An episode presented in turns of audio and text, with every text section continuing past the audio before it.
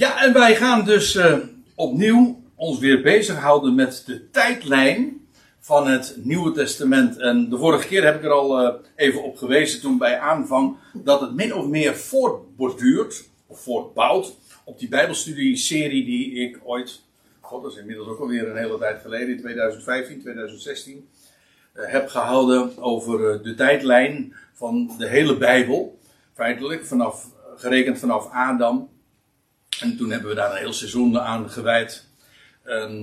Ja, weet u, kijk, je kunt natuurlijk uh, zeggen in het algemeen over cijfertjes en getallen, en dat geldt ook over geschiedenis en over tijdtafels, dat dat misschien door de stof kan zijn, hè, dat je jaartalletjes uh, moet leren. En, ja. Maar weet u, met, uh, met, met Bijbelstudie is dat toch wel een heel andere koek. Dat hebben we toen ook wel gezien, omdat je geconfronteerd wordt met een geweldige opbouw, met een geweldige symmetrie, een, een hele conceptmatige uh, opbouw van alles. En, en dat al die uh, puzzelstukjes, losse gegevens, zodra je ze inderdaad schrift met schrift vergelijkend bij elkaar brengt, dan, ja, dan, dan ontstaat er een geweldig panorama. En dat is, uh, ja, dat is adembenemend, dat is zo groot en dat verheugt inderdaad.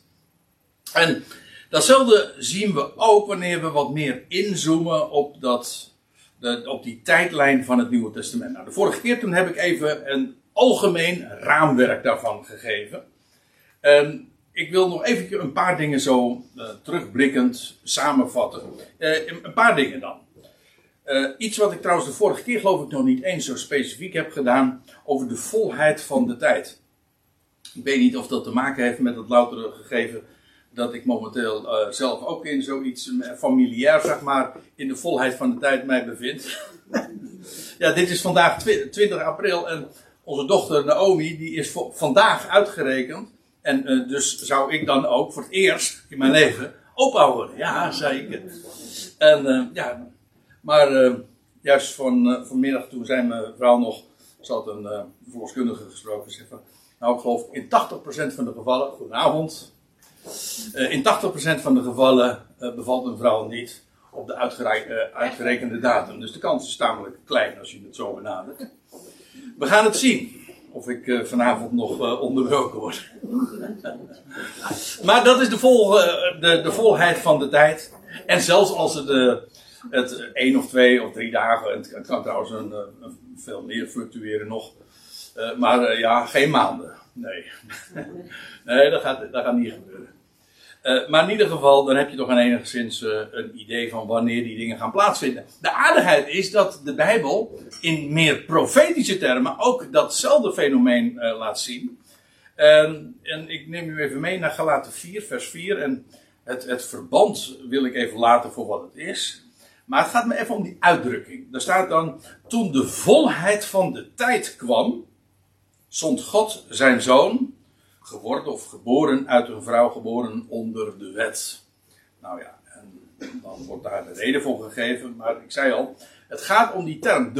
Het was dat God zijn zoon geboren deed worden uit een vrouw in de periode van nog onder de wet. Dat was getimed. Niet alleen voorzegd dat het zou gebeuren, waar het zou gebeuren, hoe het zou gebeuren maar ook wanneer het zou plaatsvinden. Er was dus kennelijk, want dat is wat de term veronderstelt, een termijn gesteld. En als die termijn dan afloopt, dan weet je één ding zeker. Uh, dan, uh, dan is de volheid, in, de, in het geval van een zwangerschap, en trouwens daar gaat het hier feitelijk ook over, geboren uit een vrouw, dan is het met recht ook een volheid. Hè? Vol en bol. Maar uh, dan, ja, dan is de tijd vervuld. En, uh, en dan moeten de dingen gaan plaatsvinden. En dat zie je trouwens ook in het Nieuwe Testament heel sterk. Al in, uh, meteen al in de aanvang. Dat ja, de hele. Die, tijds, die tijdsspanne die daar beschreven wordt. Of die, ja, die, die periode. Die was, om even in de terminologie te blijven. Zwanger van messiaanse verwachtingen. Men wist, nu gaat het gebeuren. Ik zeg men, dat is eigenlijk een beetje te optimistisch geformuleerd, want uh, de meesten hadden er geen besef van. Maar uh, er waren er toch velen die wisten dat de, dat de verlossing van Israël nabij was. Of de, de komst in ieder geval van de verlosser. En uh, daar was een Simeon in de tempel ooit al en een Anna. En het is heel apart. Maar ook als de Heer Jezus dan, trouwens dat geldt voor Johannes de Doper ook al. Als die, die ongeveer gelijkertijd, ik kom daar later nog op terug vanavond.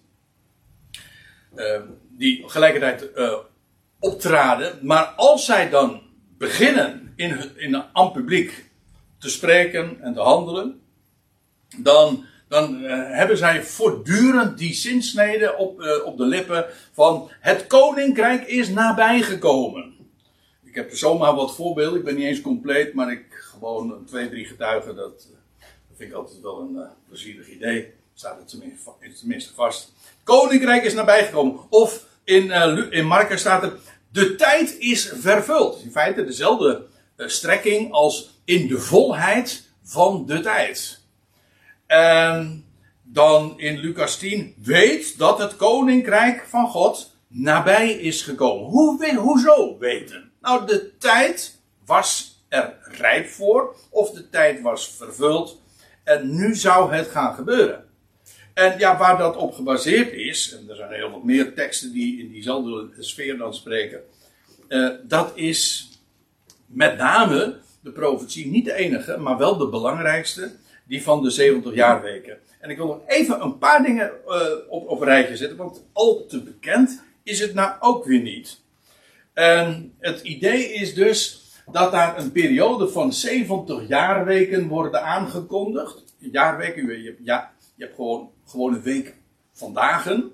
Hè, dan zes dagen en dan de zevende dag, uh, de zaterdag. Hè, dat is dan uh, dat is een totale week van dagen. Dat is de, de, gewone manier waarop we daarover spreken. Maar je hebt ook weken van jaren, waarbij er dan zes jaren, waarbij zes jaren verstrijken. En daarna krijg je de, het sabbatsjaar, waarbij het land braak blijft liggen. En er wordt niet gezaaid en niet geoogst. Dat is het sabbatsjaar. En dan krijg je zeven sabbatsjaren. Dus dat is een periode van zeven keer zeven jaren. Dat is, uh, dat is die cyclus. En die wordt dan gecompleteerd door een jubeljaar. Dat is het vijftigste jaar. Oké. En in Daniel 9 wordt uh, zo'n wordt zo'n periode beschreven van uh, 70 keer 7 jaren. 70 jaarweken.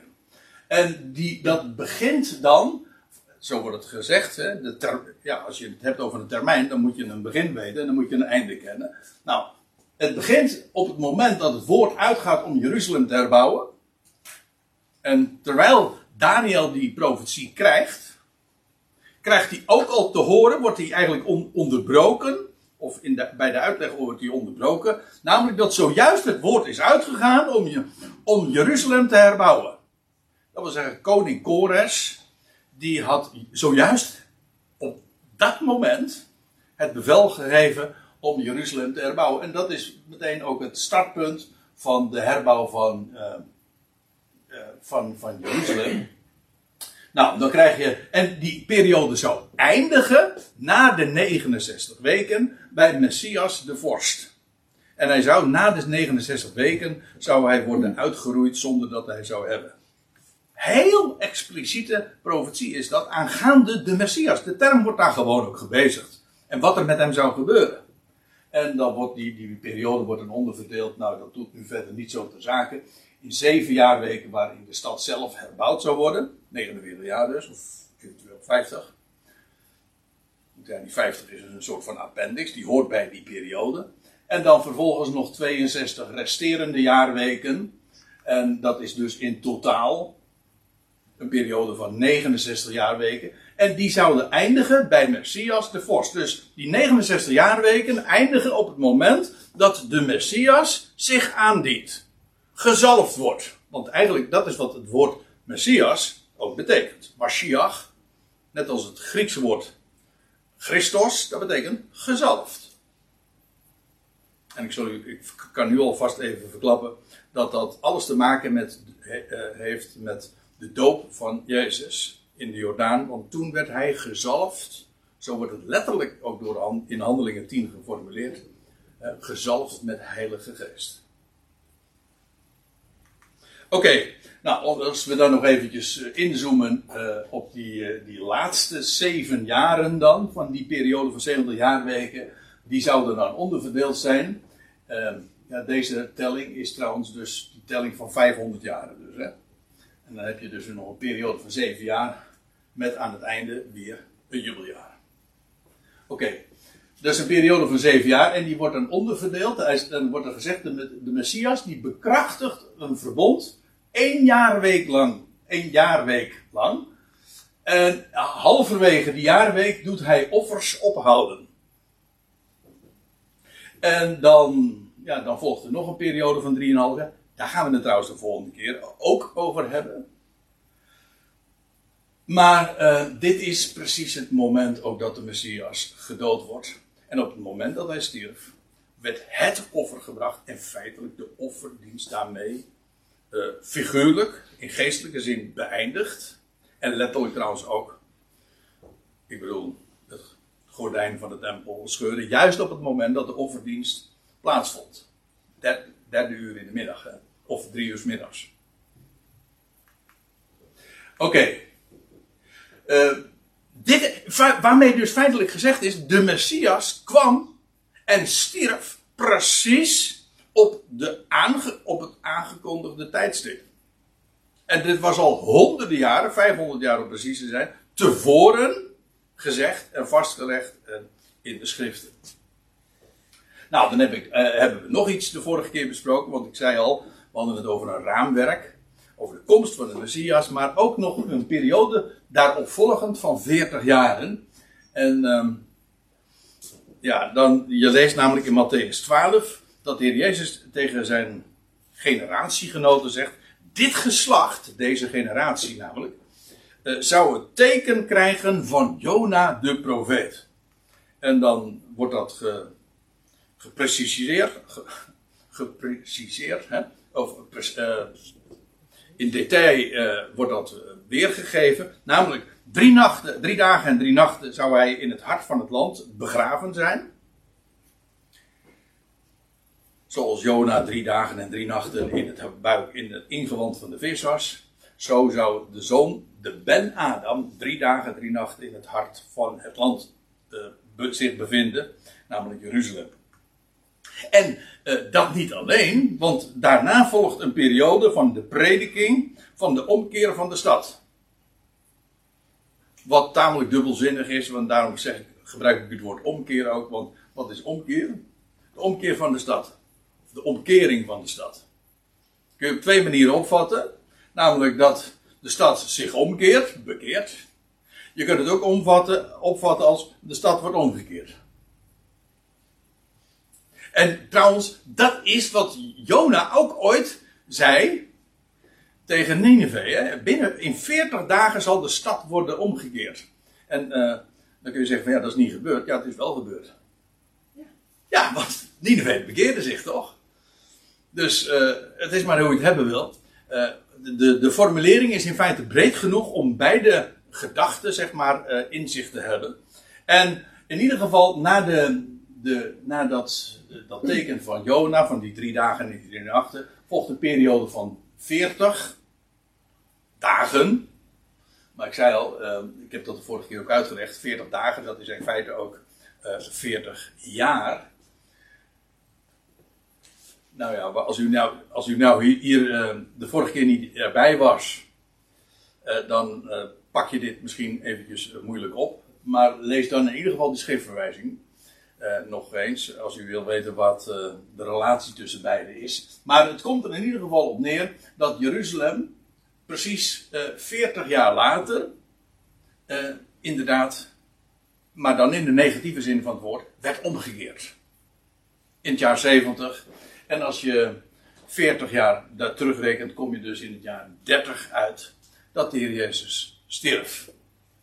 Of wat, uh, nog wat mooier schematisch. Het teken van Jona in het jaar 30. Drie dagen, drie nachten in het graf, in het hart van het land. En dan vervolgens krijg je een periode van 40 jaren. dit geslacht, een geslacht in de Bijbel is sowieso een periode van 40 jaar. En dan uh, krijg je de verwoesting van Jeruzalem in het jaar 70. En in feite, wat, we hier, wat ik hier doe, is in, uh, in, in één plaatje weergeven de hele tijdtafel, feitelijk, van het Nieuwe Testament. Namelijk, en de komst van de Messias. En de, uh, dat wat er met hem zou gebeuren. En de navolgende periode van 40 jaren, waar eigenlijk het boek Handelingen over gaat. En nog kort daarna dan. En eindigend in de val van Jeruzalem. Dat is waar het Nieuwe Testament, die tijdspanne, uh, die wordt bestreken. In het Nieuwe Testament. Vandaar ook dat ik zei uh, de vorige keer, en ik, uh, het is in feite de samenvatting van wat ik toen heb, naar voren heb gebracht. het is een soort raamwerk van de chronologie van het Nieuwe Testament. Het is allemaal in die eerste eeuw heeft dat zich uh, voorgedaan. En de aardigheid ervan is met name hierin gelegen dat dit al profetisch was vastgelegd. Dat wil zeggen, deze periode van eerst drie dagen, drie nachten uh, in het hart van het land, maar ook de, wanneer de Messias zou komen, wanneer hij zou sterven en dat wat erop zou volgen dat was al in de profetie vervat. Dus dat is niet alleen maar achteraf dat dat zo beschreven wordt als geschiedenis, van het is geschied, of dat het geschied is. Maar het is ook vooraf verteld. En dat vind ik de mooiste historie nog. Hè? Dat, dat God zijn verhaal, his story, dat God zijn verhaal vertelt gewoon uh, voor, vooraf. Zo gaat het gebeuren. En met de bonnetjes erbij en ook zelfs met de tijdtafel erbij. Zo gaat het gebeuren. En niet alleen maar achteraf verteld uh, van dat het inderdaad zo gegaan is. Trouwens, beide lijnen vind je in de Bijbel terug. Oh ja, en toen heb ik er ook nog op gewezen dat, uh, dat volgens de Talmud, en dat vind ik uh, toch een, een geweldige bevestiging een onverdachte getuige. Dat notabene de Talmud, de, uh, eigenlijk, de, uh, er is geen stroming die zich zo vijand, religieus gezien, zo vijandig heeft opgesteld ten opzichte van het getuigenis van Jezus de Messias, als het Jodendom. En de Talmud, die dat eigenlijk allemaal weergeeft, het is eigenlijk de, het verslag van de, mondeling, van de mondelinge overlevering van de Torah. Maar dat uitgerekend de Talmud er getuigenis van aflegt dat God voor de verwoesting van de, van de stad Jeruzalem in 70 AD, Anno Domini, al 40 jaar lang dagelijks voortekenen in de tempel heeft gegeven. Notabene, dit staat niet eens in de Bijbel, dit staat in de Talmud. Dus voorafgaand aan het jaar 70, 40 jaar daarvoor uh, Terugtellend kom je dus in het jaar 30 uit. Dat was inderdaad ook nog het jaar dat de tempels, uh, dat, dat, gigantische gordijn voor de tempel scheurde. Maar wat gebeurde er nog meer? Nou, wat er dagelijks gebeurde, is het licht van de kandelaar ging spontaan uit elke nacht. Het licht ging uit. Nou, als dat geen mooie godspraak is. En uh, deze vind ik ook erg mooi. De grote deuren, de zogenaamde hekel, de grote deuren van de tempel, die gingen elke morgen spontaan open. Dus enerzijds het licht ging uit elke dag, elke nacht.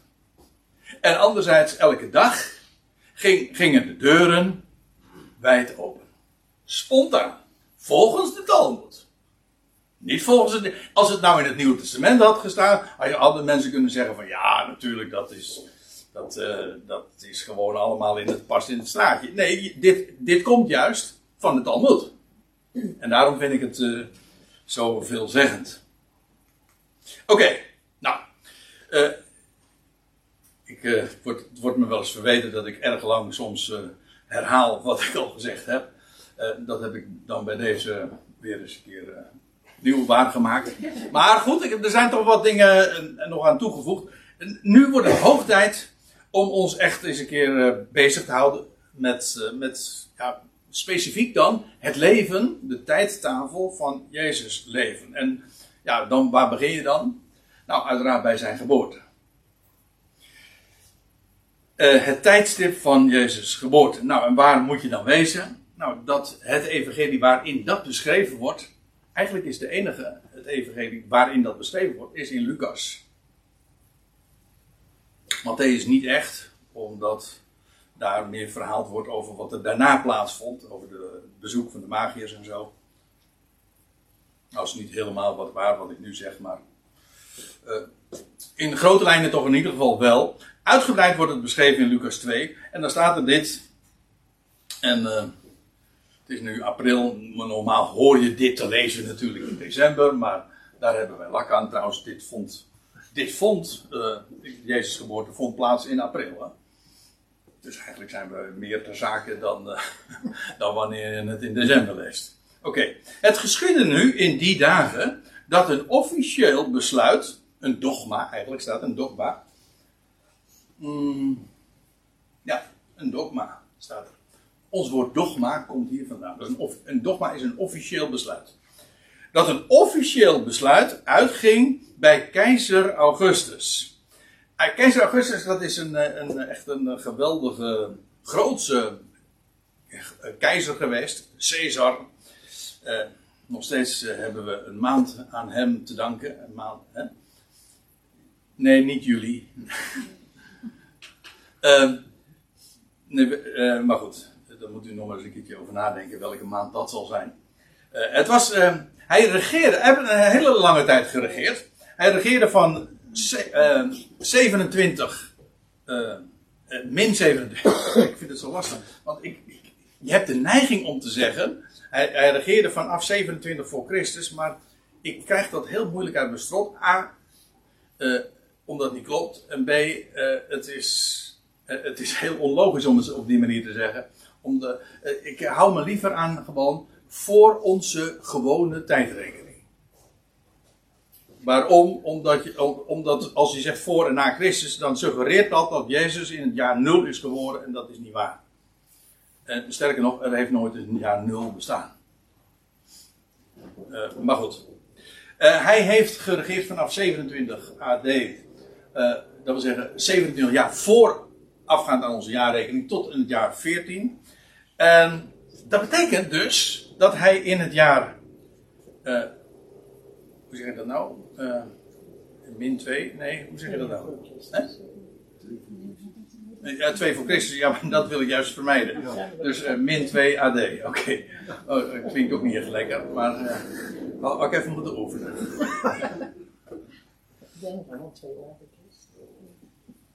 Ja, nou, twee, twee, oké. Okay. Uh, twee jaar voorafgaand aan, aan onze jaarrekening.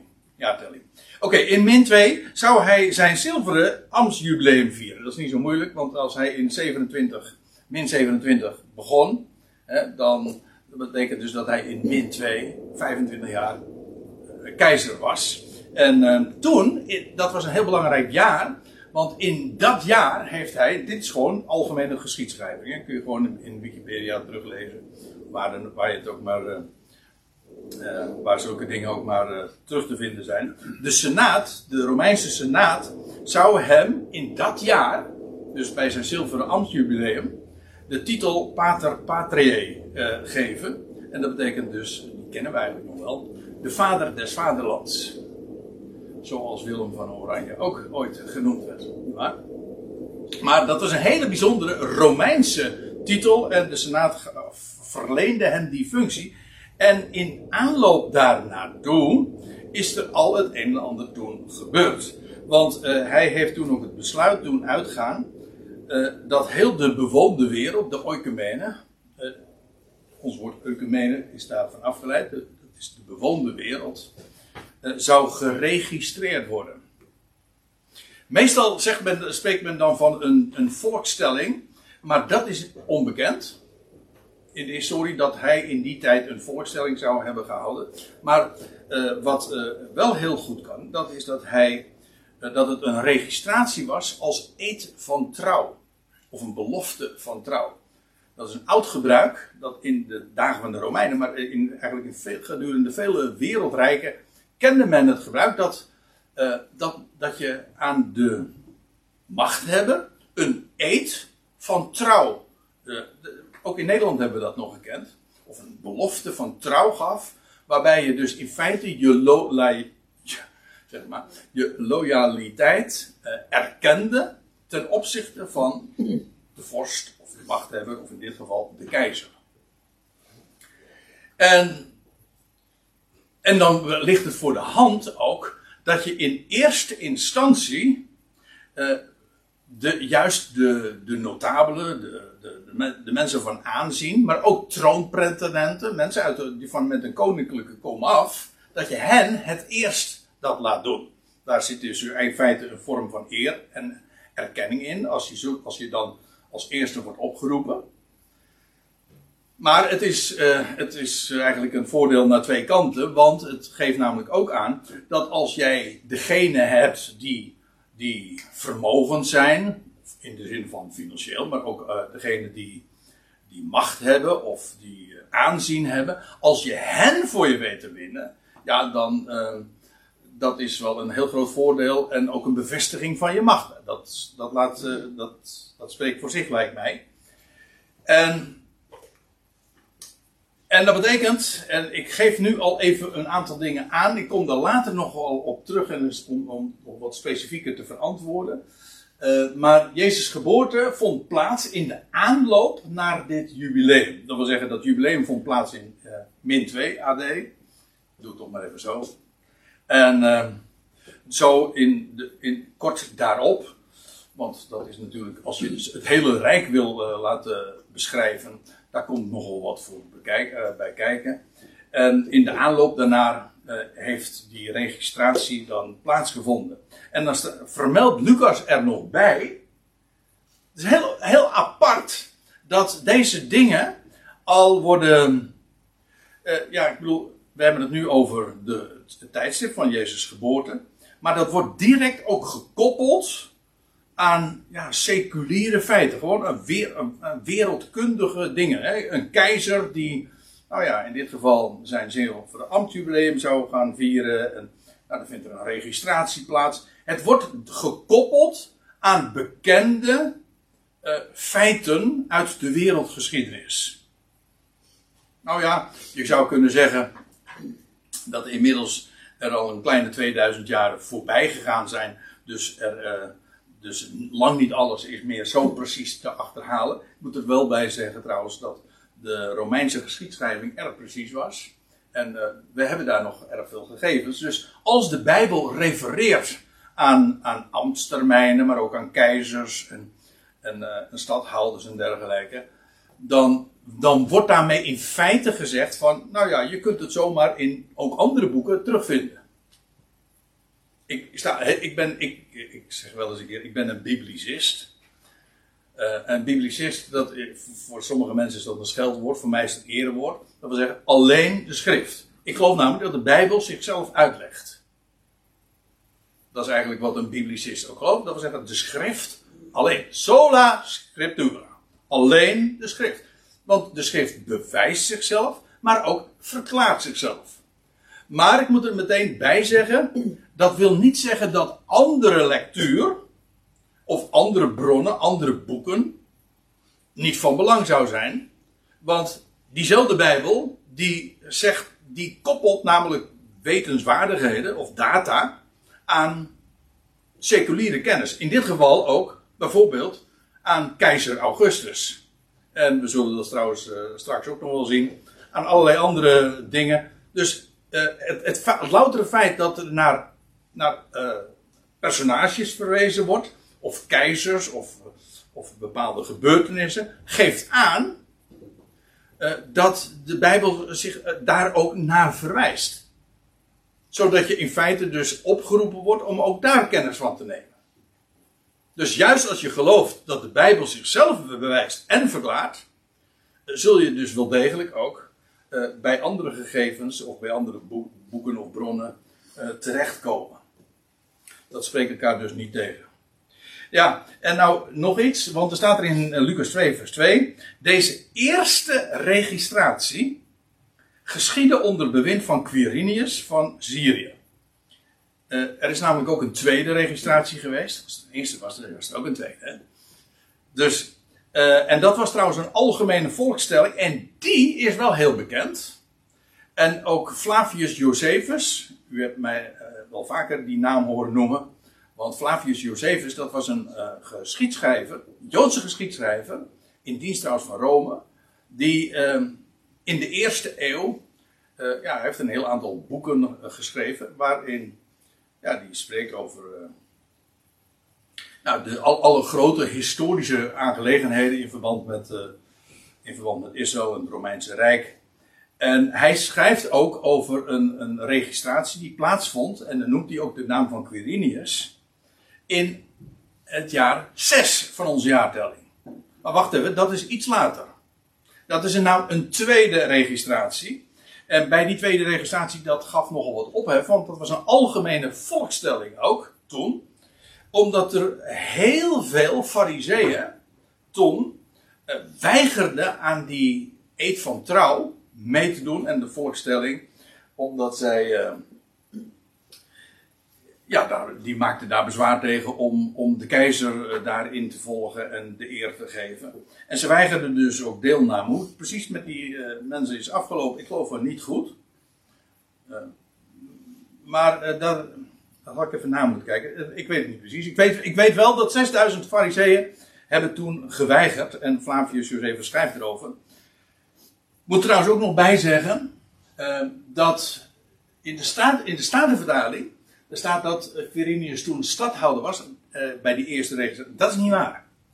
De historie beschrijft, uh, die zegt, Quirinius was bij die tweede registratie was hij wel stadhouder in Syrië, maar in, uh, voor onze jaartelling nog niet. En toch, hij was al wel daarbij betrokken, namelijk als een, als een zaakwaarnemer of als een, hoe noemen ze dat, een procureur.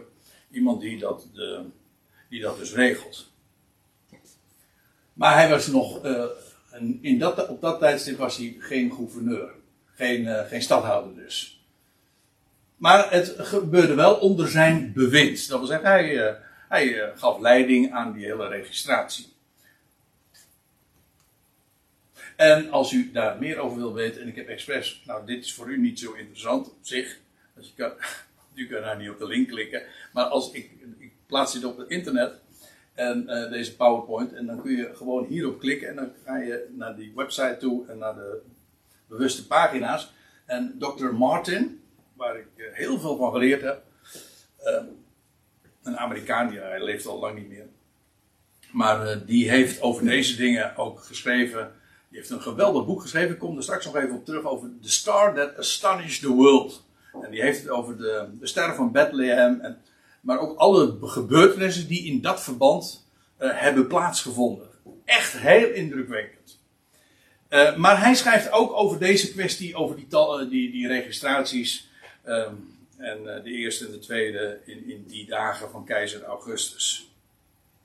En de reden waarvoor, waarom. Dus gaat het, het, het, voert nu te ver om dat nu verder uit, om dat uit te wijden. maar ik wil trouwens nog wel even op iets anders nog wijzen. Namelijk, en dan gaan we iets verder in de tijd. Dus voorafgaand aan dat, uh, dat jubileum van augustus heeft er een registratie plaatsgevonden. Ja, en dan later, uh, als Jezus eenmaal geboren is, krijgt hij, krijgt het eerste oude paar, uh, of dat eerste oude paar, het eerste, het oude paar, Jozef en Maria, krijgen bezoek vanuit het oosten, magiërs. Laten we, dan gaan we naar Matthäus 2. En er staat toen nu Jezus was geboren. Uh, Jezus was in, de geboorte had inmiddels al plaatsgevonden. En ja, god, dat is. Uh, nou, daar gaan we het nu verder niet over hebben. Ik geloof inderdaad. Eigenlijk gaf ik daar zojuist al even een hint naar. Dat de Heer Jezus inderdaad geboren is in de tijd van Pesach. Dat de kudde lammert. Zeg het goed? Ja, de, tijdens het lammeren van de, van de schapen. In die periode, dat is dus in het voorjaar, heeft uh, Jezus geboorte plaatsgevonden. En dan zijn we inmiddels al een kleine twee jaar verder. Dat weet ik vrij zeker, of dat weet ik erg zeker zelfs. Want je leest namelijk dat als de magiërs eh, op bezoek komen. Ik ga nu niet die hele geschiedenis lezen. Maar als de magiërs op bezoek komen. En Herodes die, die ondervraagt hen dan. En dan, dan op een gegeven ogenblik, als Herodes maat, maatregelen gaat nemen. Dan staat er van, hij liet alle uh, jongetjes in Bethlehem en omstreken ombrengen. Ehm, van twee jaar en jonger. En, uh, en ja, van twee jaar en jonger. En nou staat er in overeenstemming met de tijd die hij had uitgevorst bij de magiërs. Dus dit is, we praten hier over, uh, over de tijd dat Jezus inmiddels al geen eens baby meer was, maar een peuter. Lees blijkt ook wel als de magiërs dan bij Jezus op bezoek komen, dan blijkt hij al, heet hij geen, ook geen baby meer, maar een jongen. Dus uh, toen was, was, er inmiddels al. Uh, nou, of die Jezus voor de magiërs open gedaan heeft, dat weet ik niet. Maar het zou bij wijze van spreken kunnen. Hè? Ik bedoel maar te zeggen, het was wat later. En ja, en nou komt er nog iets, en dat is een lastig ding. Want dat is erg omstreden. En daar staat namelijk bij. Toen Jezus was geboren in Bethlehem van Judea. In de dagen van Herodes, de koning. Ja, uh, van deze Herodes wordt algemeen gelezen. Kijk het maar naar Wikipedia. Daar staat er van hij was, uh, hij was koning van 37, uh, min 37 AD. Ja, tot min 4 AD. Maar dat, dat kan niet. Vandaar ook dat, je, dat algemeen Jezus geboorte veel vroeger gedateerd wordt. Want ja, Jezus' geboorte vond in ieder geval plaats toen Herodes nog leefde. Sterker nog, uh, hij, is, hij, ook niet eens onmiddellijk gestorven na Jezus' geboorte. Dat, daar is nog twee, drie jaar overheen gegaan in ieder geval. Vandaar ook dat uh, Jezus' geboorte heel vaak gedateerd wordt op min 6 of min 7. Maar dan kom je chronologisch op allerlei manieren, ik kom daar straks ook nog op terug, ehm, in de knoei. En, en nou kom ik weer even op deze Dr. Martin. En wijs ik opnieuw even op dat boek waar ik zojuist al even over had. Started, is the World. Uh, je kan het trouwens, dit boek kun je gratis online lezen. Vandaar ook dat ik de link geef uh, naar, naar dat bewuste hoofdstuk waarin dit allemaal beschreven wordt. En uh, hij zegt, nee, dat, en hij trouwens, hij is niet de enige, maar het is niet algemeen aanvaard. Hij zegt, Jezus, Herodes dood vond niet plaats in min 4, maar in min 1 AD. Dus drie jaar later. En dit, ja, god, het, is, voert echt veel te ver om over, de, over de hele argumentatie uh, terug te gaan. Want uh, in feite wordt uh, de dood van Herodes altijd gebaseerd, of het tijdstip daarvan, wordt altijd gebaseerd op Flavius Josephus. En die zegt van ja, het was net na een, um, een maansverduistering. En dan gaat men uit van een maansverduistering in min 5. En Martin, Dr. Martin die zegt nee, dat was niet uh, de maansverduistering in min 5, maar in min 1. Want ja, maansverduisteringen vinden al vaker plaats, uiteraard. En, uh, en zodat daarmee dus ook de dood van Herodes veel later gedateerd wordt.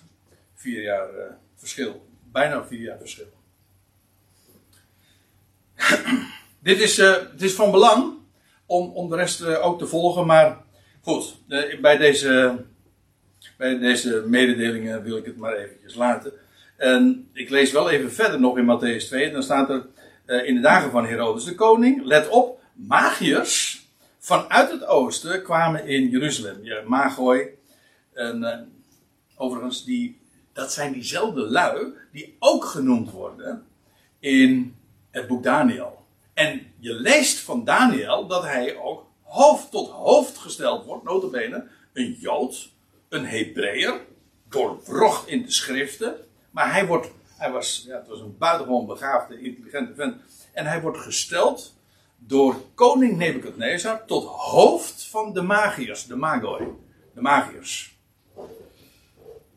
En ja, die waren zeer beleefd. Vandaar ook dat in, de gewone, in de, het gewone spraakgebruik worden ze altijd genoemd de wijzen. Hè? De wijzen uit het oosten. Maar dat is niet de term die de Bijbel ervoor gebruikt.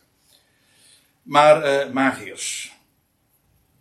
Ja, en dan begrijp je trouwens ook, als je die link eenmaal gelegd hebt met Daniel, eventueel ook zijn vrienden, hoe die magiërs aan die kennis zijn gekomen en hoe hen dat op het spoor heeft gebracht om naar Israël toe te gaan. Als zij dan uh, astronomische fenomenen waarnemen. Oké, uh, let op, magiërs vanuit het oosten kwamen in Jeruzalem, die zeiden, waar is de geboren koning van de Joden? dat vind ik altijd zo leuk. Helemaal niet van, is hij wel geboren? Of. Nee, niet uh, of die geboren, nee, waar is hij dan? Nou ja, want wij namen de ster van hem waar en we kwamen om hem te adoreren, te aanbidden. Uh, adoreren is denk ik wat beter. En ja, nou ja, ik suggereerde zojuist al even, zij waren op de hoogte van de profetie van Daniel. Ja, logisch, want Daniel was ooit, oké, okay, eeuwen eerder, maar toch in diezelfde beroepsgroep, om zo te zeggen. Uh, en Daniel had uh, geschreven over die 700 jaarweken. En trouwens, Biliam, die had ooit. Oh, dat was ook zo iemand uit het oosten. Ook een uh, zeer gezien, nou ja, gerenommeerde figuur. In die ja, veel eerder trouwens. maar die had ooit al geprofiteerd, tegen wil en dank. ik zie een ster. Ik zie, ja, dat is haast een, een songfestival. Die, hè? Ik zie een ster. Oh, dan moet je echt een end teruggaan hoor, hè? ik weet niet eens meer wie, het waren, maar goed. Ik zie een ster. Ja, hij. hij ik, hè? Oké, okay, nou, laat maar. Doe, doe, hè? Maggie McNeil, ja, Mouth en McNeil, zo was het. Ja. Um, ja. Hoe kom je nou van Mouth en McNeil nou weer bij William terecht? Oh ja, William die zegt. William die zei. Uh, ik zie. Uh, er er, er, er rijst een ster op in Jacob. Nee, ik zie een ster oprijzen in Jacob. Er, en een scepter verschijnt in Israël. Met andere woorden, er op een of andere manier als, uh, als uh, er, er, komt een ster in Jacob. Trouwens, dat is in, in, het algemeen een aanduiding van het ongelovige Israël. En dat wijst erop als daar een ster in Jacob op zal gaan, dat er een koning, een scepter, hè, dat is een koningsstaf, uh, aan Israël zal worden gegeven. Dus op een of andere manier heeft de komst van de koning en de koningsstaf alles te maken met het verrijzen van een ster. Some way, somehow. Oké. En nou heb ik nog iets, want ik beweer niet dat wat die magiërs zei alleen maar dat astronomische fenomenen zijn. Nou, ik wil toch wel even opwijzen, juist als we het hebben over de chronologie, dat er op 2 juni, of nee, 17 juni, 2 voor Christus, en dat is elk, als je een goed uh, sterrenprogrammaatje hebt, dan kun je dat zo. Ik heb het ooit zelf uh, nog eens een keertje terug uh, bekeken. Maar dan kun je gewoon zien hoe de sterrenhemel eruit zag vanaf een bepaalde locatie, als je die richting naar opkeek, dan zag je gewoon in het jaar 2, 17 juni, dit fenomeen. Namelijk in het sterrenbeeld Leeuw. Leo, de leeuw, Uh, vond er een conjunctie plaats. Een samenstand, wil dat zeggen. Van Jupiter en Venus. Dat zijn de helderste hemellichamen. Op de zon en de maan na, uiteraard. Uh, ja, aan, aan het uitspansel. Dat zijn, ja, dat zijn de lichten bij uitstek.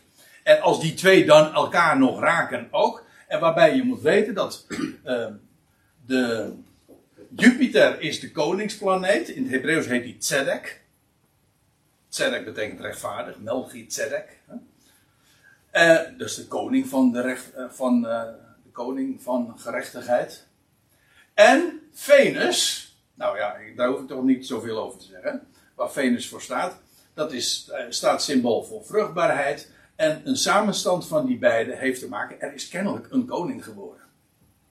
En dan nog inderdaad in het sterrenbeeld Leo.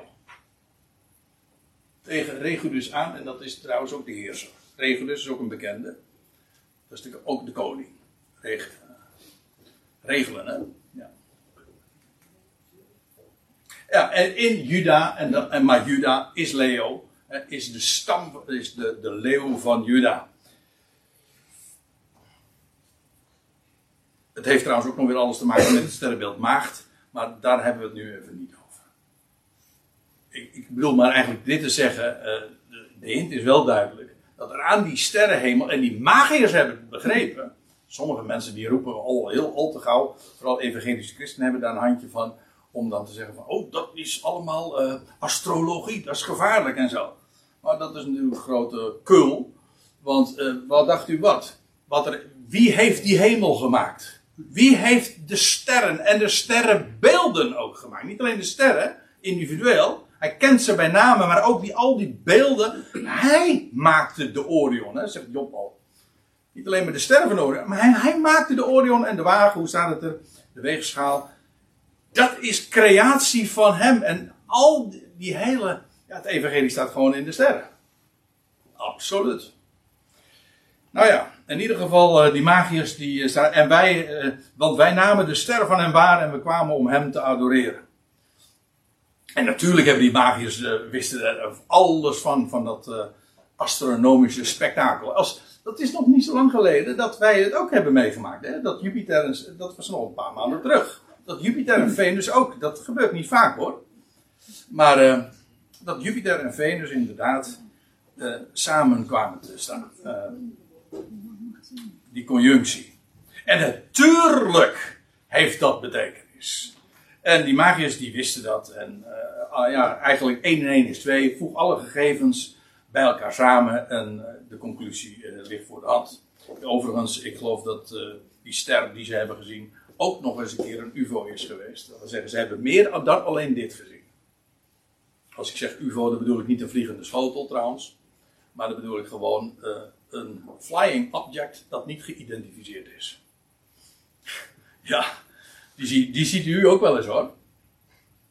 je ziet ze toch ook wel eens vliegen. Oké.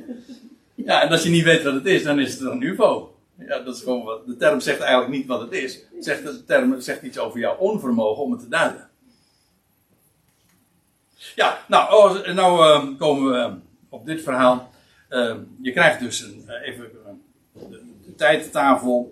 Ehm, in min 4 moet. Ik, ik, ik, ga het straks wat duidelijker maken. Maar ik, heb, ik geef nu al voorzichtig de hints. Nu nog onder voorbehoud. Straks word, ik wat explicieter daarin. In min 4 heeft dan de geboorte van Jezus plaatsgevonden. Namelijk in het voorjaar. Eerste maand, Nisan, Aviv.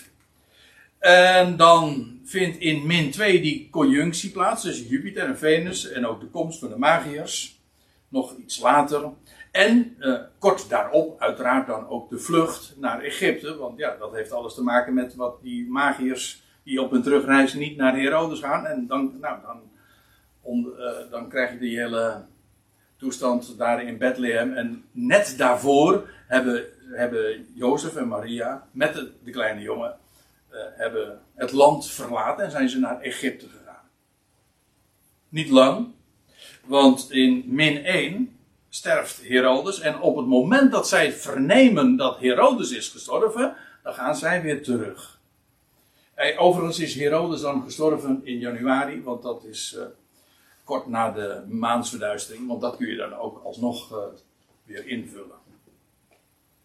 En heel interessant, hier laat, hier laat ik ook meteen zien, zonder dat, ik verder, uh, zonder dat het verder iets te betekenen heeft, maar dat uh, tussen min 1 en plus 1,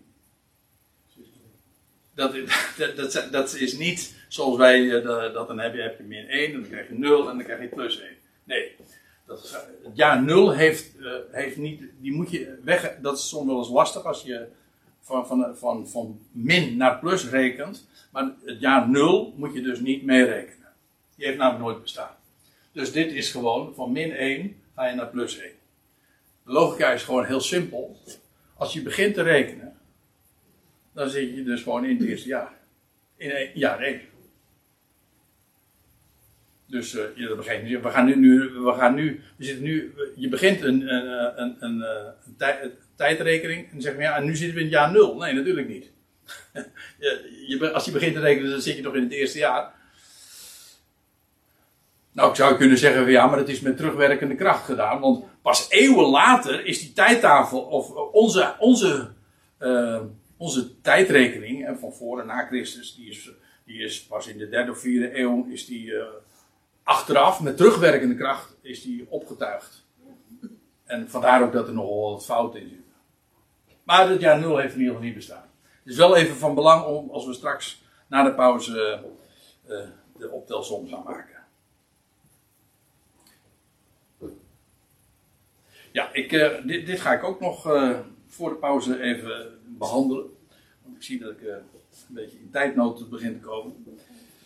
Ehm, ja, ja, ik moet rekening houden met de volheid van de tijd natuurlijk.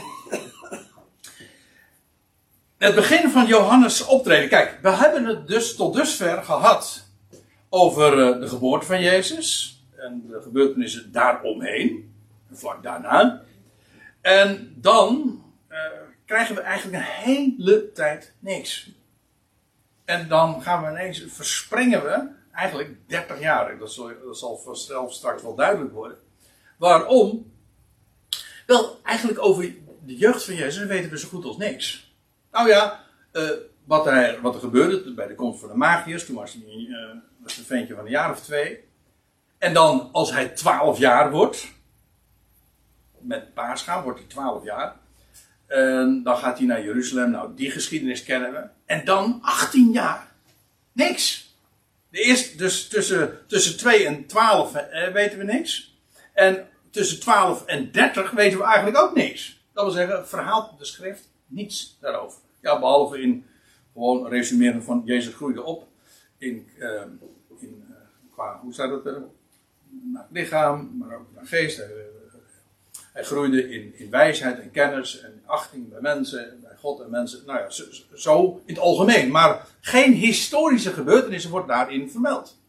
En dan staat er in Lucas 3. In het vijftiende jaar nu van de regering van keizer Tiberius. Het is een hele belangrijke.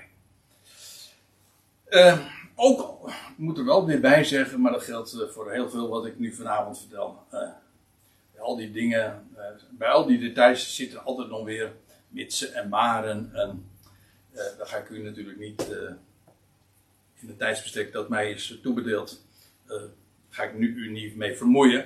Maar, ehm, nou ja, één ding is wel duidelijk. In het, in het vijftiende jaar nu van de regering van keizer Tiberius. Nou, dit kan je ook weer gewoon nalezen. Tiberius die volgde keizer Augustus op na diens dood in, maar dat zagen we al, in 14. Maar, ik moet erbij zeggen, daarvoor was Tiberius al een co-regent. Namelijk twee jaar daarvoor. Toen was uh, keizer Augustus zelf eigenlijk ook niet meer in staat om te regeren. Hij behield, hij was nog steeds officieel de keizer, maar toen werd uh, uh, Tiberius, hij was trouwens een zeer gevierde generaal, hij kwam toen uit Germania. En toen had hij een succesvolle krijgstocht had hij, kwam hij van terug in Rome. En dan, dan lees je dat hij co-regent wordt. Ook hier geef ik weer even de link naar Wikipedia. Dan ziet u dat ik dat niet aan de duim zuig. Maar twee jaar daarvoor wordt hij dus in 12 AD. Wordt hij co-regent, dus regeert hij samen met Augustus. In feite was hij de, in de praktijk was hij de, eh, degene die, uh, die uh, regeerde als keizer. Maar officieel was Tiberius dan nog, nog steeds ook keizer. Oké, vandaar dus co-regent. Dus dat betekent, dit 15 jaar van Tiberius is daarmee dus in het jaar 26. Kijk, als hij begon als zijn regering, als, de, als zijn regering nu begon in het jaar 12, anno domini. En nu komen we, begint Johannes met zijn optreden en dat was in het 15e jaar van Tiberius. Nou, tel dat erbij op. Moet je meteen wel beginnen bij het jaar 12 natuurlijk. En dan kom je uit in, nou, bijna, in 26. Ik zal straks nog eventjes een, uh, Dus het is 12 het eerste jaar, 13 is het tweede jaar. Nou ja, en dan kom je uit, uit in het jaar 26. In het jaar 26 van onze jaarrekening, Anno Domini. In dat jaar begon Johannes de Doper zijn, zijn openbaar optreden. Trouwens, het wordt hier.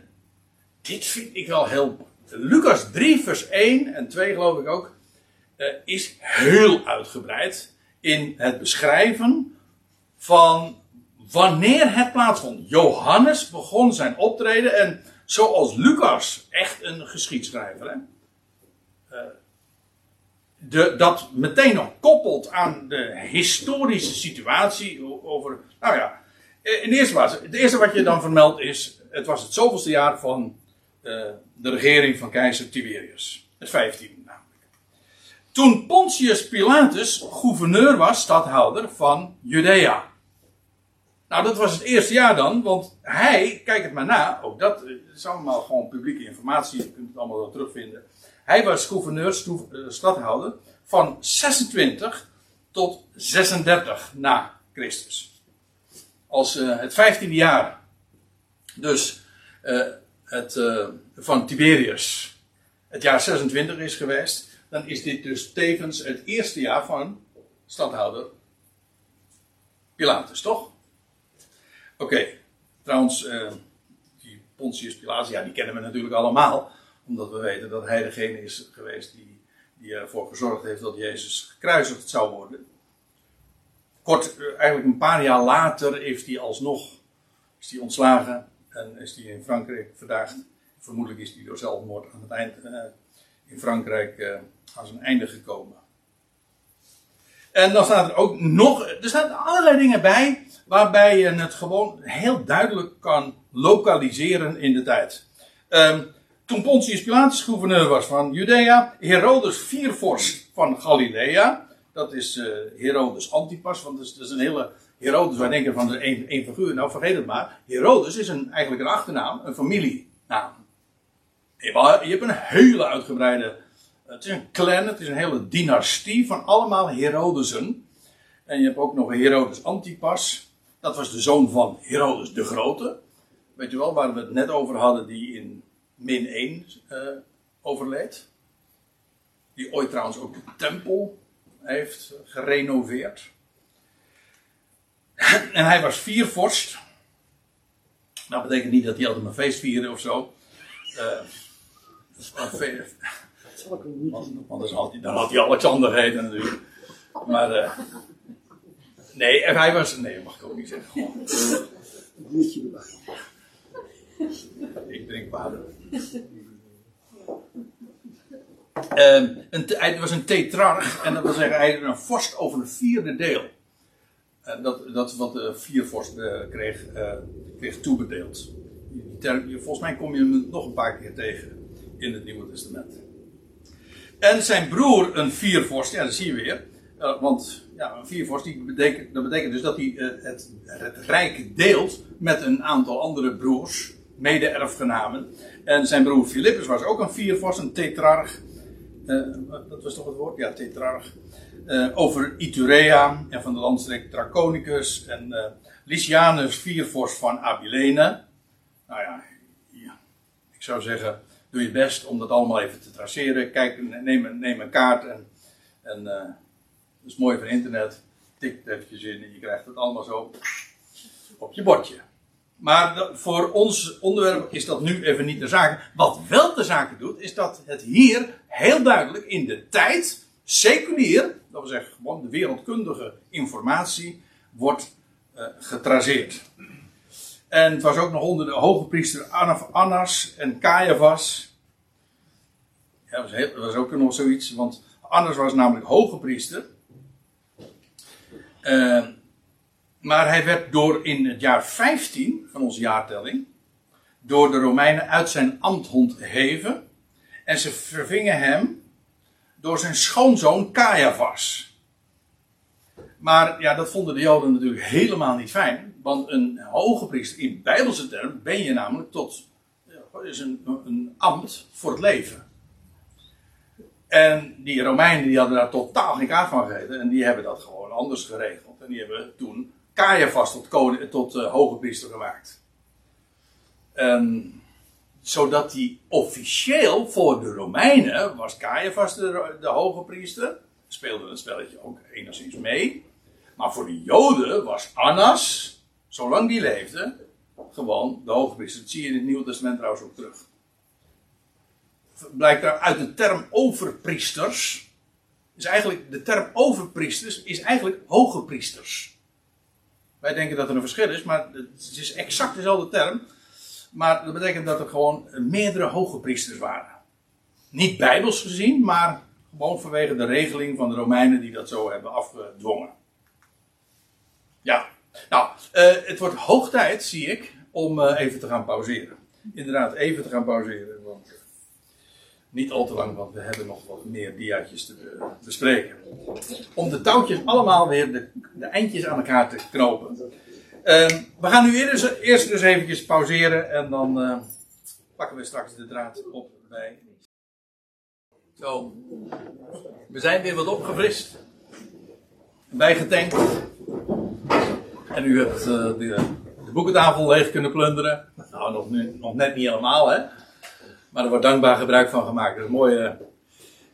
Ja, u ziet dat hier allemaal zo liggen, maar u realiseert zich niet dat het nog een hele toestand is om dat hier allemaal zo eventjes uh, heen te transporteren.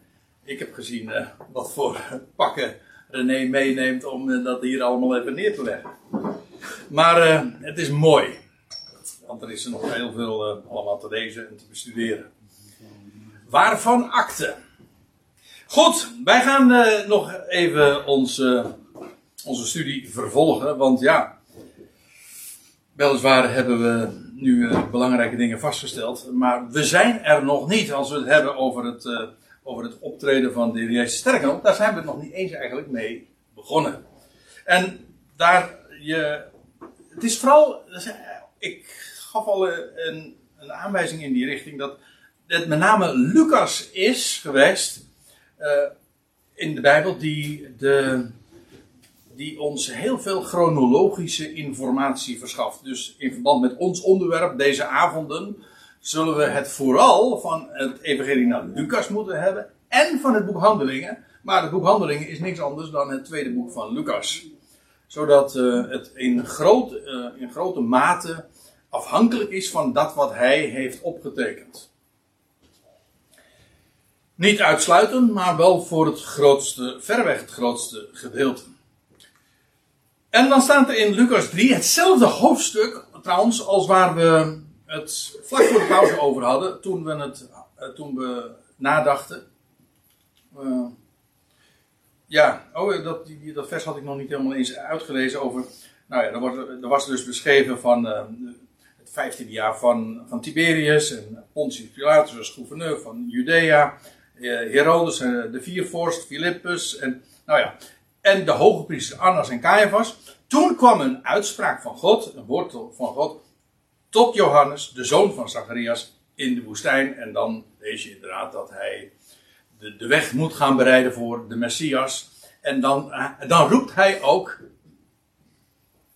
De tijd is nabij. Of de tijd is vervuld. Het koninkrijk der hemelen is nabij gekomen. En dan wordt hij ja, dan gaat hij iets doen wat nog, Israël nog nooit had gekend. Namelijk, men kende het fenomeen van dopen wel, maar men doopt altijd zichzelf. Maar nu kwam er iemand en die zei van, word gedoopt. Ik doop jullie. Vandaar dat hij alom genoemd werd, de doper. En dat is, voor ons is het heel uh, logisch, hè? je wordt gedoopt, maar uh, in Israël was het uh, juist niet gebruikelijk. En Johannes kwam om te dopen dat doet nu even verder niet de zaken. Maar in dat jaar dat hij begon in de Jordaan te dopen, ook niet voor niks natuurlijk, maar dat, dan lees je dat veel volk naar hem toe kwam. Overigens, hij was daarin helemaal niet zo uitnodigend hoor. Of men mocht wel komen, maar hij zei wel van kom tot bezinning. Dus maar niet een uiterlijk gebruik.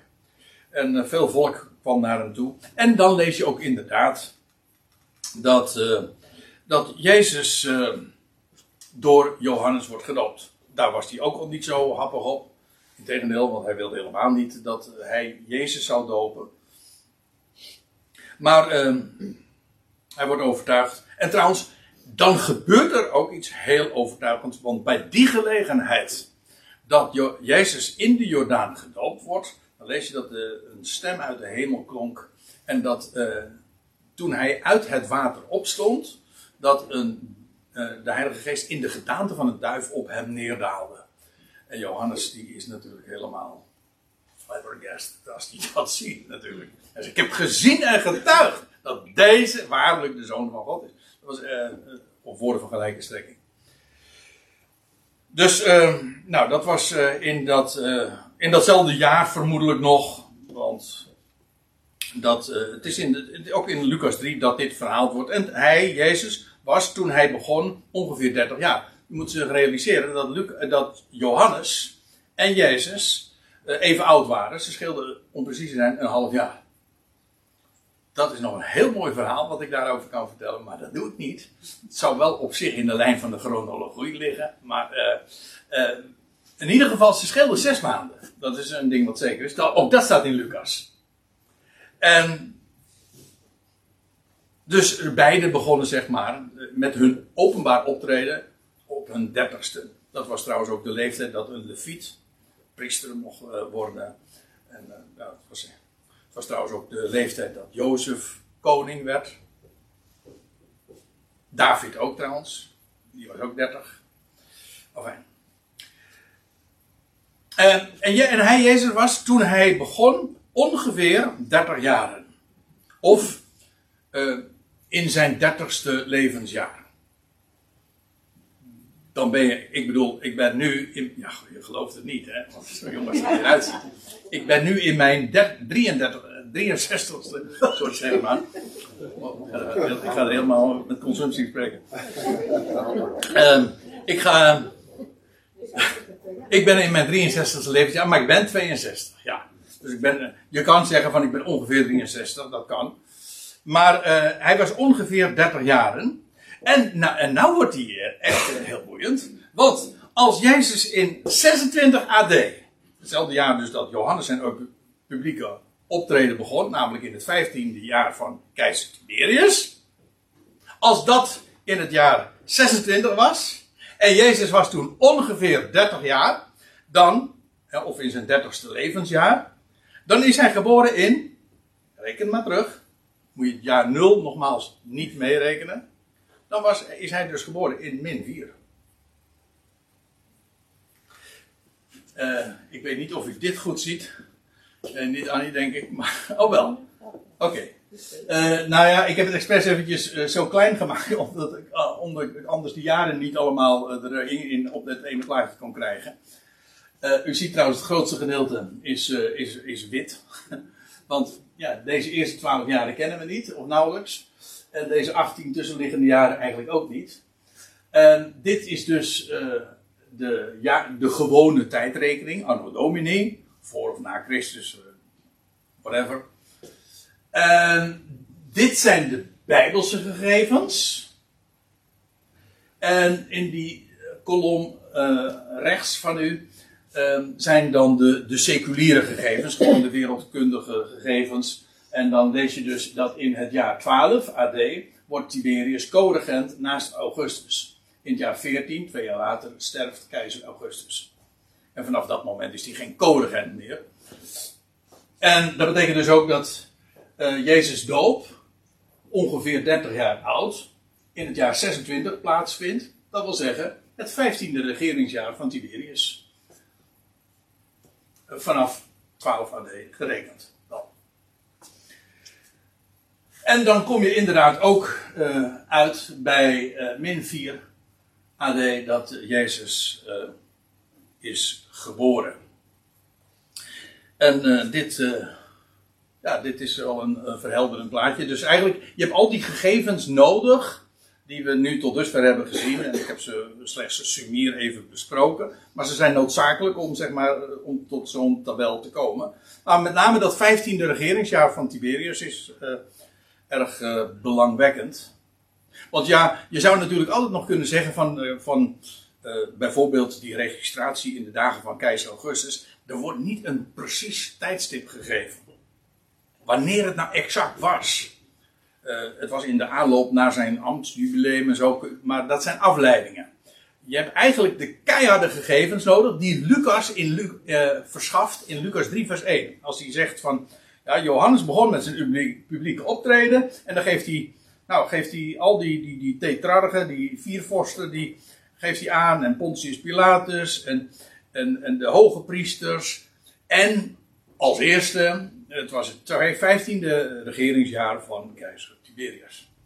Oké. En dan heb je echt, zeg, nou, dat is iets waar je chronologie op kunt baseren. Maar de aardigheid is, en dat is natuurlijk altijd weer de, ja, uh, hoe noem je dat? De proef op de som. Als de gegevens kloppen, ook met de rest van het hele verhaal. En dan, uh, dan nou ja, laten we daarvoor in dat verband maar gewoon meteen doorgaan. Oh ja, ik heb hier trouwens ook nog eventjes een, een kolommetje bij gedaan. Uh, de leeftijd van Jezus. Dus zijn eerste jaar, dat was dus in het jaar nul. Hè? Toen was hij nog nul jaar oud. En dus dan tel je door. Hij was dus hier nog 29 in dat jaar.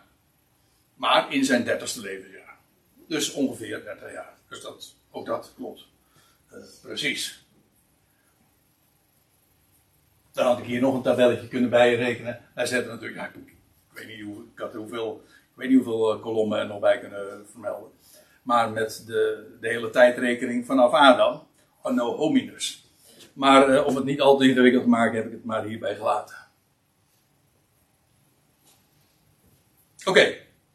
Nou, dan komen we op nog een heel belangrijk gegeven. In feite hebben we daar vanuit een profetische route, vanuit de, uh, ja, via een profetische aanvliegroute, zeg maar, hebben we die kwestie al besproken, namelijk de duur van Jezus' bediening. Namelijk, vanuit de profetie weten we, het was een halve jaarweek. Oftewel, 3,5 jaar. Messias de vorst dient zich aan en, en in die 70ste week, na 3,5 jaar, zal hij, zou hij worden uh, uitgeroeid, afgesneden staat er letterlijk. Maar ook zou hij uh, slachtoffer doen ophouden. Oké, dat zou dus 3,5 jaar zijn. Maar dat was al 500 jaar van tevoren gezegd. Nu gaan we het historisch benaderen. Dat wil zeggen, gewoon in de beschrijving van hoe het gegaan is. Al dus de evangelisten, die dat gewoon, in dit geval vooral Lucas, maar ook Johannes, hebben opgetekend. Nou, en dan komen we weer bij Lucas, gewoon Lucas 33, dat klopt niet. Uh, want Lucas heeft maar vier, 24 hoofdstukken, nou maar, eh, het is wel een uitgebreide evangelie, maar 24 hoofdstukken. Dit is Lucas, moet Lucas 13 zijn, heb ik dat? Ja. Zeg het goed? Ja, Lucas 13. ga ik thuis nog eventjes corrigeren. Het is Lucas 13. En daar vind je dat de Jezus dit zegt. Hij sprak deze gelijkenis. Iemand had een vijgenboom die in zijn wijngaard was geplant. Dat is op zich al eigenaardig dat je in een wijngaard een vijgenboom neerzet. Maar uh, in de Bijbelse symboliek is dat niet zo gek, want beide bomen. Uh, noem je een, een wijnstok ook een boom? Nou ja, even voor de goede orde. beide, zowel een vijgenboom als een wijngaard, zijn een bekend beeld van Israël. Ja, toch? Moet ik die nog toelichten? Jezaja spreekt over ik, uh, dat de Heer een wijngaard had. En dan wordt er uitgelegd van, die wijngaard, wordt die in de uitleg ook bijgezet, die wijngaard, dat zijn jullie, huis van Israël. En ook een vijgenboom trouwens uh, ook. Weet u nog, een van de tekenen, uh, maar dat is Matthäus 24, een van de grote tekenen in verband met de, dat, in verband met de terugkeer van de Heer. Dan lees je ook, als de vijgenboom uitbotten, dan weet je dat de zomer nabij is. Dat heeft alles te maken met het herstel van Israël. Ik moet erbij zeggen, het toekomstige herstel van Israël. Olensi dacht er anders over, die dacht dat, dat, dat de vijgenboom nu al is uitgebot. In, in 1948, maar sinds die tijd staat er eigenlijk een, is er alleen maar een, een dode vijgenboom. Maar hij, gaat, hij wordt weer levend, hij gaat uitbotten. En op het moment dat Israël verzameld wordt, gaat uitbotten, tot nieuw leven zal ontvangen, ja, dan zal de zomer wereldwijd gauw binnen één generatie gaan aanbreken. Nou ja, ik, ga daar, uh, ik heb er eigenlijk al te veel over gezegd. Uh, hij sprak deze gelijkenis. Iemand had een vijgenboom die in de wijngaard was geplant. En hij kwam, en hij, hij, hij kwam om vruchten daarin te zoeken. Helaas, hij vond niets. En hij nu zei, het is een gelijkenis hè. Hij nu zei tegen de wijngaardenier, let op. Sinds drie jaar kom ik om vrucht te zoeken in deze vijgenboom. Hoezo drie jaar? Nou, dat is de duur van Jezus' uh, uh, bediening tot dusver. Toen dit werd opgetekend, of toen Jezus deze gelijkenis sprak, toen was hij al drie jaar actief in het land, in de wijngaard, of bij de vijgenboom, zo u wilt, om vrucht te zoeken. Maar hij vond niks. Dat wil zeggen, het, het, geheel, want daar hebben we het dan over. Ik heb het niet over, over individuele winst, maar het volk als zodanig en de leiding, die daar had, die reageerde niet uh, zoals uh, conform de oproep, zal ik maar zeggen. Bekeert u, hè, of komt tot bezinning, want het koninkrijk is nabijgekomen. Nou, maar men in het geheel uh, kwam niet tot bezinning. Sinds drie jaar kom ik om vrucht te zoeken in deze vijgenboom en ik vind niets. En daar staat er nog bij. Uh, nou, hak erom. Uh, hij antwoordde. ja, er staat nog, nog iets bij. Ik sla dat nu even over. Nog een korte zinsnede, dan vers 8. Hij antwoordde echter en zei tegen hem. Laat haar ook. Uh, gewoon, dan moet ik toch even helemaal lezen. Want ik heb de indruk dat ik een belangrijke zin oversla. Lucas 13. Zie, ik lees nu even voor het staat de. Hij, oh, nou, hij zei tot de wijngaardenier. Oh, had ik dat erbij gezet? Ja, toch wel, ja. Oké. Hij zei tegen de wijngaardenier. Zie, drie jaar is het uh, sinds ik vrucht kom zoeken aan deze vijgenboom en ik vind hem niet. Hak hem dus om. Waarom beslaat hij de grond nog zonder nut? Oh ja, dat is dat. En dan vers 8. Uh, hij antwoordde echter, die wijngaardenier, en zei tegen hem: Laat haar ook dit jaar gewoon nog staan, terwijl ik rondom haar zal spitten en bemestingen zal, zal werpen. Dat wil zeggen, deze drie jaren moeten nog aangevuld worden met nog een vier jaar. Deze drie jaar is niet compleet. Er komt nog, dit jaar ga ik nog mijn best doen om eventjes uh, geparafraseerd erbij, uh, maak ik er even van. Uh, bemesten, spitten, alles doe ik eraan om het alsnog dat er vrucht zal worden gevonden. En indien zij inderdaad in het vervolg vrucht zal dragen, dan wordt de zin vervolgens niet afgemaakt, maar onderbroken. nou ja, goed, dan, dan is het gewenste resultaat behaald. Uh, maar indien niet, dan zul je haar zeker omhakken. En, dus dat wil zeggen, dat derde jaar is nog niet uh, het laatste, maar er volgt nog een vierde jaar. En als er dan nog geen vrucht uiteindelijk zou worden gevonden, dan zou uiteindelijk uh, de boom worden omgehakt. En dat is inderdaad gebeurd, maar dan, dat we, daar hadden we het al eerder over eigenlijk dat omhakken, uh, dat er een einde kwam aan het nationale bestaan van Israël en Jeruzalem als stad. Dat is in het jaar 70 heeft dat dan plaatsgevonden. Omdat er blijvend geen vrucht was. Maar hier, het gaat mij nu eventjes om de bediening van de Heer Jezus, dat hij zegt, al drie jaar zoek ik naar vrucht. En er zou nog een jaar uh, aan worden toegevoegd. Oké. Nou, dat is een heel belangrijk uh, gegeven. En dan heb ik er nog één.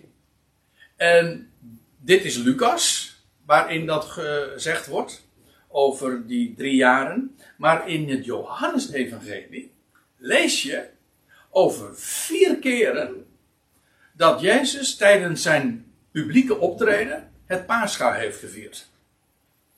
Nou, gevierd is misschien niet helemaal het goede woord. Uh, maar in ieder geval, dat heeft beleefd in Jeruzalem.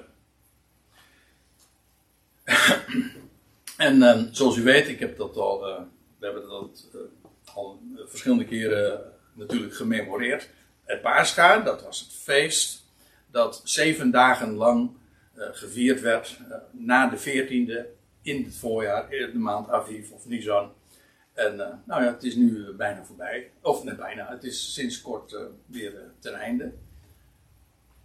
Maar een jaarlijks ding dus. Nou, dan krijg je in het Johannesevangelie uh, lees je inderdaad dat er vier keer gedurende de periode dat Jezus aan publiek zijn op, zijn, heeft opgetreden onder zijn volksgenoten, dat er vier keer sprake is van paaschaviering. In de eerste plaats, ik noem ze even, ik zet ze op een rijtje. In Johannes 2, vers 13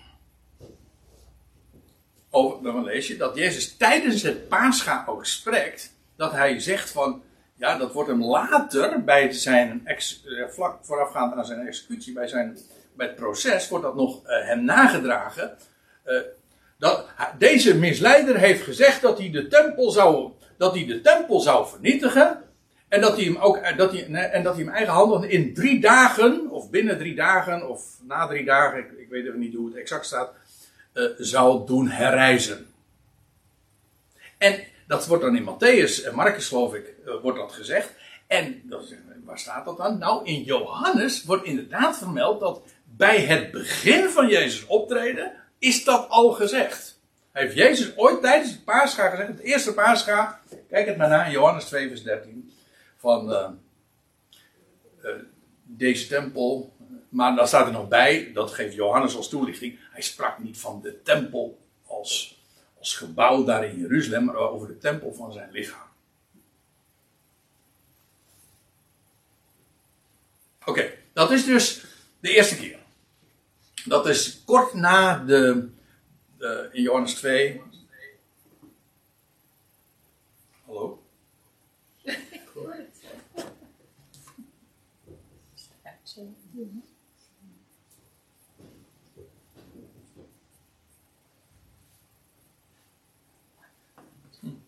Vreemd. Dat je onderbroken wordt door jezelf, zeg. ja, dat ook nog. De AIVD, zou dat weten?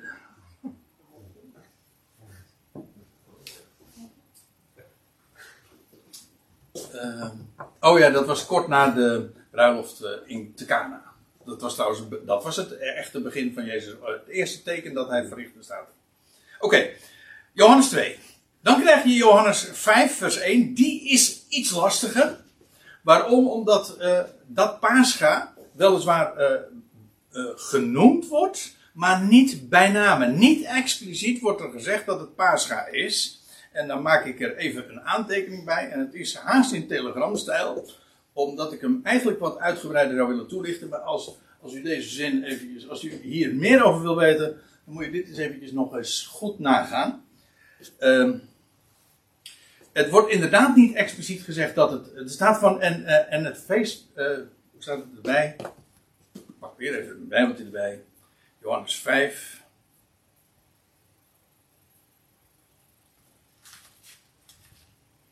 Daarna was er een feest van de Joden en Jezus ging op naar Jeruzalem. Nou, welk feest staat er niet bij, maar uh, ik zal u vertellen, dat moet het Pascha geweest zijn.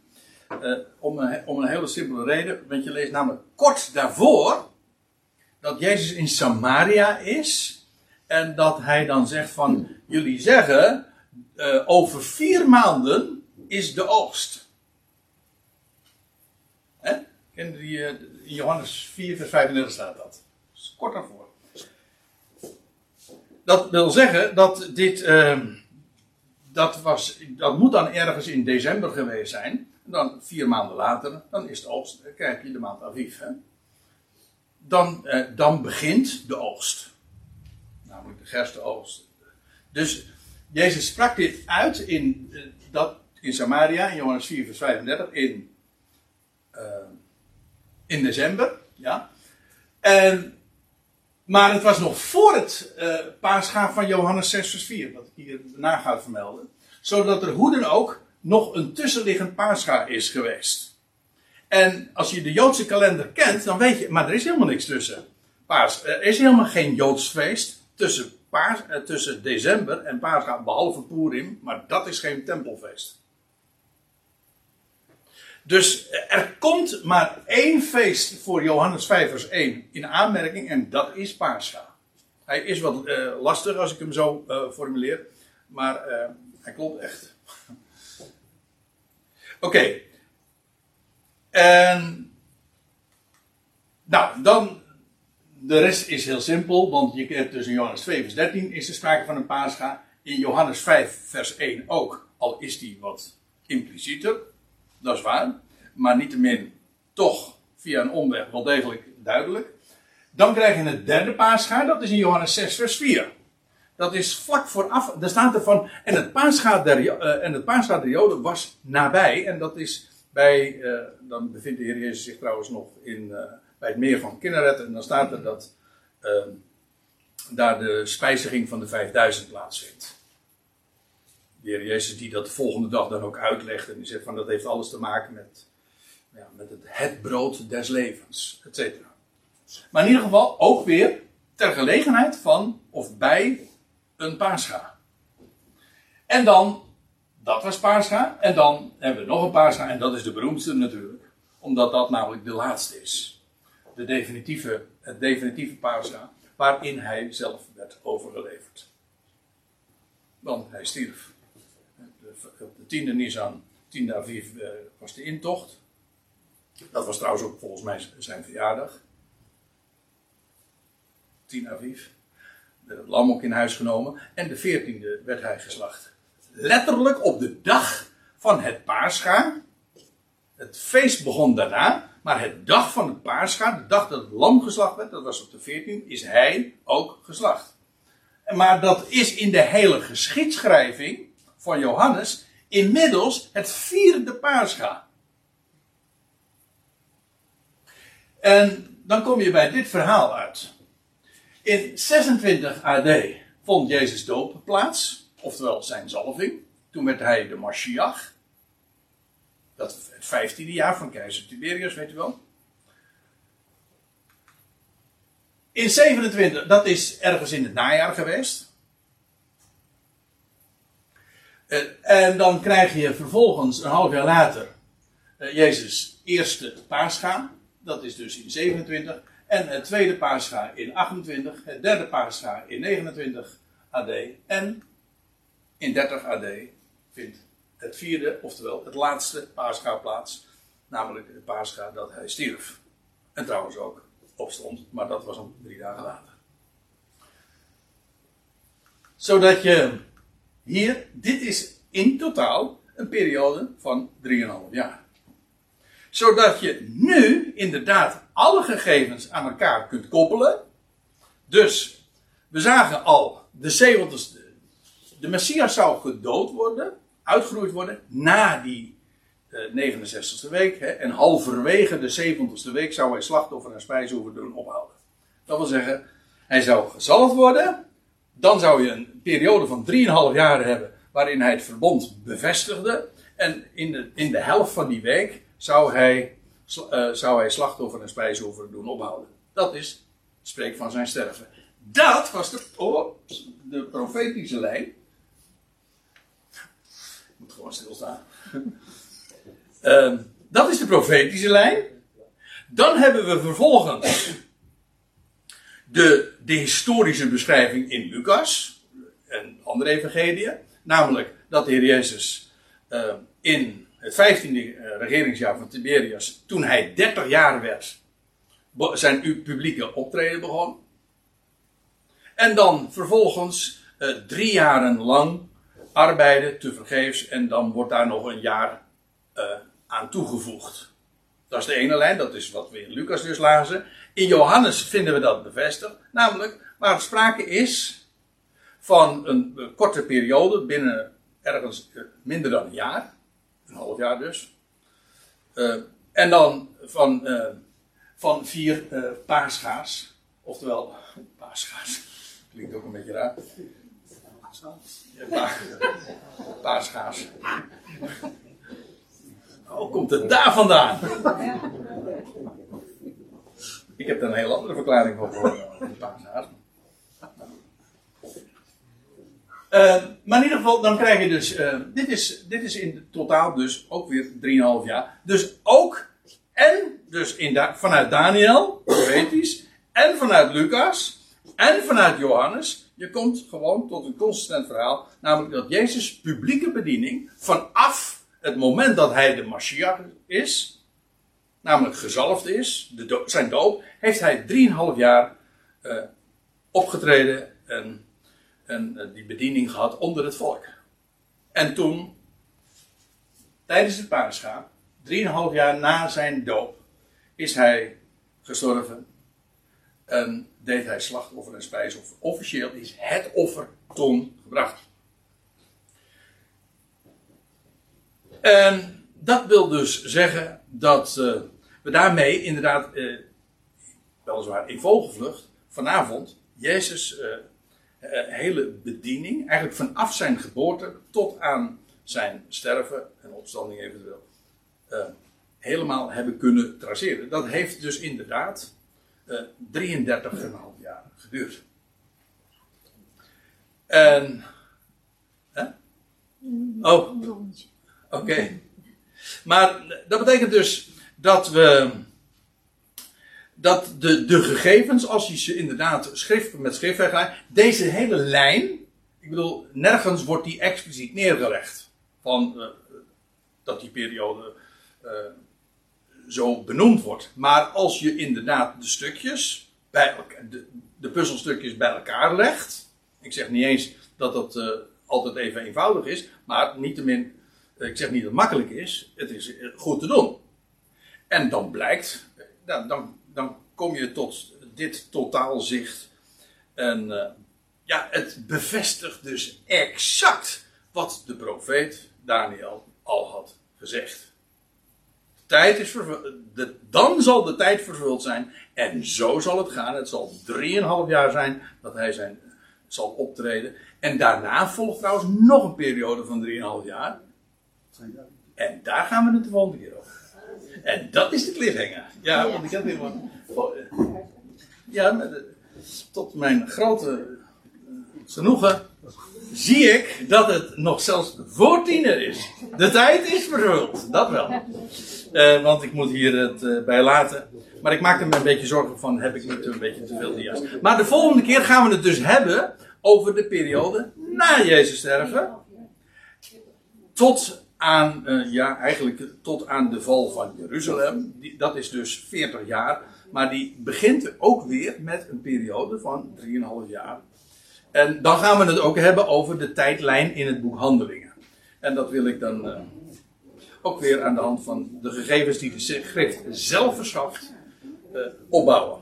En ik moet zeggen, het doet mij groot genoegen om, om, het om de schrift zelf daarin te laten spreken ook als je oproept om, om zeg maar, eh, je, om je om te raden te gaan bij, bij wereldse documenten of seculiere gegevens, dan nog is het de schrift die daarin onze leidraad is.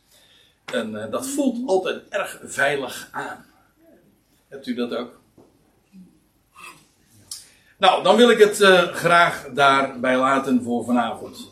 En ik stel voor dat we nog deze samenkomst zullen afsluiten met dankgebed. Tenzij er nog een hele dringende vraag is die ik nog even nu beantwoord moet worden. Moet ik misschien nog eventjes. Real Opa. uh, wie weet. Ik heb, ik, heb, ik heb mijn mobiel uitgezet. Ja, dat moet ik, want anders kan ik namelijk deze opname niet maken. Die loopt namelijk via mijn mobiel. Dat, ja, je denkt, wel, god, een ontaarde opa in spe, hè? Maar dat valt wel mee hoor. Maar ik ben blij dat ik, uh, dat ik deze Bijbelstudie dan toch nog heb kunnen houden. Ja. En misschien ben ik al wel over, wie zal het zeggen.